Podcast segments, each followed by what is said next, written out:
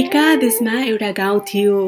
त्यो गाउँको नजिकै एउटा ठुलो खोला थियो जुन हिउँदमा पनि सुक्दैन थियो। त्यसै गाउँमा एकजना गरिब बाहुन बस्थ्यो। उसँग खेती गरेर खानका लागि पर्याप्त जग्गा जमिन थिएन। जजमानी पनि वर्षभरि चल्दैन थियो। त्यसैले उसले माछा मारेर खाने गर्थ्यो। किनभने उसका जहान ठुला थिए।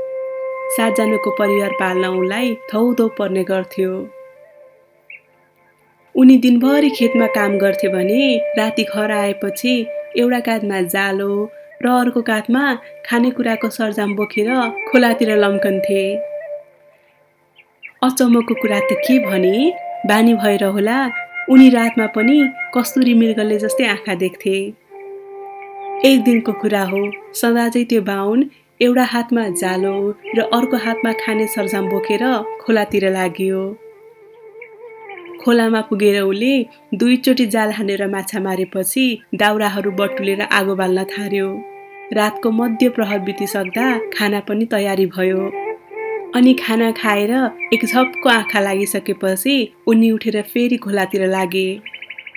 आकाशको तारा हेरेर पानीको सेतो मूलतिरको अन्दाज गर्दै उसले जालो हाने। निकै पटक जालो हानेर माछा बटुल्दा रातको अन्तिम प्रहर बितेर बिहानको ब्रह्म मुहुर्त सुरु भयो। अनि त्यसपछि उनी माछा बोकेर घर फर्कन्थे। यसरी ल्याएको माछा बाहुनका छोरीहरूले गाउँभरि लगेर बेच्थे। एक टाकाको कुरा हो पूर्णिमाको रात थियो। जुनको कोमल उज्यालोमा उनी एकै सुरसँग जाल हानिरहेका थिए। खोलाको एकोरो स्वा स्वा आवाज बाहेक घरिघरि जाल फाल्दा आउने छप्लाङ छप्लाङ आवाज मात्र सुनिन्थ्यो। अनि बाहुनले दिक्क मान्दै भने आज चाहिँ जति जाल हाने पनि एउटै माछा पर्दैन। के भएको होला आज? भोक पनि लाग्न थालिसक्यो। अब यसो गएर खाना बनाउने सुरसार गर्नु पर्ला जस्तो छ। यति गुनगुनाएर उनी खानाको चाँजो बाजो मिलाउन गए। आधा घन्टा जतिपछि उनले जब खाना पकाएर भ्याए बगरमा टुप्रुक्क एउटा मान्छे आइपुग्यो अनि त्यो बाहुनको सामुन्ने उभियो। बाहुनले नडराइकन सोधे तिमी को हौ? यति राति यहाँ के गर्न आएको? अनि त्यो मान्छेले भन्यो म पारी मावली गाउँतिर जान हिँडेको बाटो पो बिराएकी क्या हो? सानामा एकै पटक आएको थिएँ भुलेछु।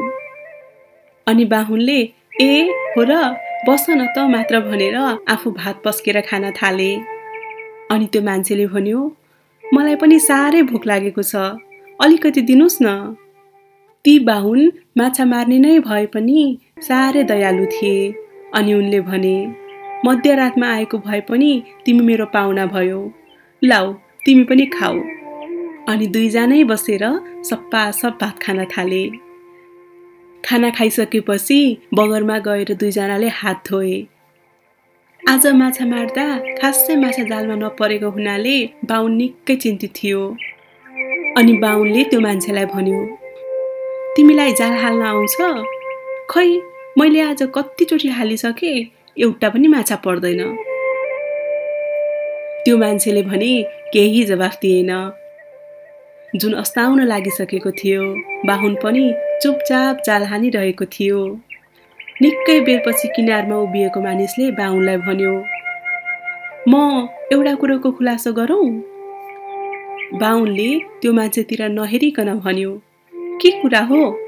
अनि त्यो मान्छे नजिकै आएर बोल्यो आज मेरै कारणले तपाईँको जालमा एउटा पनि माछा नपरेको हो क्या र माछाहरू मसँग डराएर भागे जस्तो छ। एकैछिन जाल हान्न रोक्नुहोस्। सुन्नुभयो? म तपाईँ जस्तो जिउँदो मान्छे होइन। म त डाँडा काँडा त्यो खोला वरिपरि चाहारिरहने मसान हुँ। रातमा यहाँ मेरो रात चल्छ। अरू प्रेतहरू मेरो छेउछाउ पर्दैनन्। बाहुन भने जाल उठाएर जाल हान्ने ढाँचामा उभिएको उभियै भयो। अब ब्रह्म मुहूर्त सुरु हुनु अघि नै मलाई यहाँबाट जानु छ। तपाईँले मलाई भात खुवाएकोमा म सन्तुष्ट भएँ। तपाईँलाई म दुई थोकको वरदान दिन्छु। लिन मान्नुहुन्छ? अनि बाहुनले जवाफ दियो लिन्छु नि किन नमान्ने? त्यसो भए पहिलो वरदान तपाईँले चराचुरुङ्गीको भाषा बुझ्न सक्नुहुनेछ। र दोस्रो यमराज यमदूत र स्वर्गका देवताहरूलाई देख्न सक्नुहुनेछ र पापी र धर्मात्मा छुट्याउन सक्नुहुनेछ। तर एउटा सर्ट छ। यहाँ हाम्रो भेट भएको कुरा र मैले तपाईँलाई बताएका कुराहरू कसैलाई नभन्नुहोला। यदि तपाईँले बताउनु भयो भने तपाईँ शिलामा परिणत हुनुहुनेछ। यसरी अन्तिम वाक्य कठोरताका साथ भनेर त्यो मान्छे किनाराबाटै बिलाएर गयो। बिहानको जिस्मिसे उज्यालो हुँदा ती बाहुन पनि जाल लिएर रित्तो हात घर फर्किए। घरमा बाहुनी बजै भने पसले साहुकोमा चामल लिने पैसा नभएर गनगन गरिरहेकी थिइन्। पसलेकोमा चामल लिन जाने पैसा पनि छैन। पोहोरको धान दुई माना मात्र उब्रिएको थियो। दिउँसोको भान्सा आज नहुने भयो। बाहुनी बजैले त्यही धान सुकाएर रातिको लागि चामल कुट्ने विचार गरिन्। बाहुन भने सुकुलमा पल्टिरहेको थियो। बिचरालाई भोको पेटमा के निन्द्रा परोस्? त्यही बेला बाहिर भङ्गेराको भाले पोथी चिरबिर चिरबिर गर्दै धान सुकाएको ठाउँमा आए। भित्रबाट बाहुनी बजेले कराइन् घर आए केटो चामल पनि छैन। यसो भङ्गेरो धपाए नि हुने हो भङ्गेरा र भङ्गेरी बोल्न थाले। यस घरको आइमाई त कति पापिनी रहेछ। हामीले दुई चारजना अन्न टिप्दैमा यसको के जान्छ होला त्यो मसानले दिएको वरदानको कारणले गर्दा बाहुनले भङ्गेरा भङ्गेरीको सबै कुरा बुझे। तर बाहुनी बजै भने भित्रबाट अझै कराउँदै थिइन्। हन कस्तो हात बाँधेर बसेको हो के? भङ्गेरोले सबै धान खाइसक्यो। अनि यतिकैमा भङ्गेरीले भङ्गेरालाई भन्यो यो आइमाई त जिउँदै नरक जान लायक कि रहेछ? अनि त्यसै बेला बाहुनीले भित्रबाट कुच्चोको झटारो हानिन्। आम्मै झन्डै मारी कि मोरीले? यो आइमाईलाई त सोझै नरक जान परोस्। यति सरापेर भङ्गेरा र भङ्गेरी त्यहाँबाट उडेर गए। ती बाहुनले भङ्गेरा र भङ्गेरी दुवैका कुरा सुनिरहेका थिए अनि उसले मनमनै सोच्यो मेरी बुढीलाई यो सराप लाग्ला त? अनि त्यसपछि बाहुनले त्यो रातिको मसानलाई पनि सम्झे। एक महिना पछिको कुरा हो ती बाहुनको घरमा साह्रै दुःखद घटना घट्यो। ती बाहुन बुढाका ससुरा बा परधाम पुगेछन्। दाह संस्कारका लागि सबै कुरा ठिक पार्यो। ससुरा निकै धर्मात्मा थिए।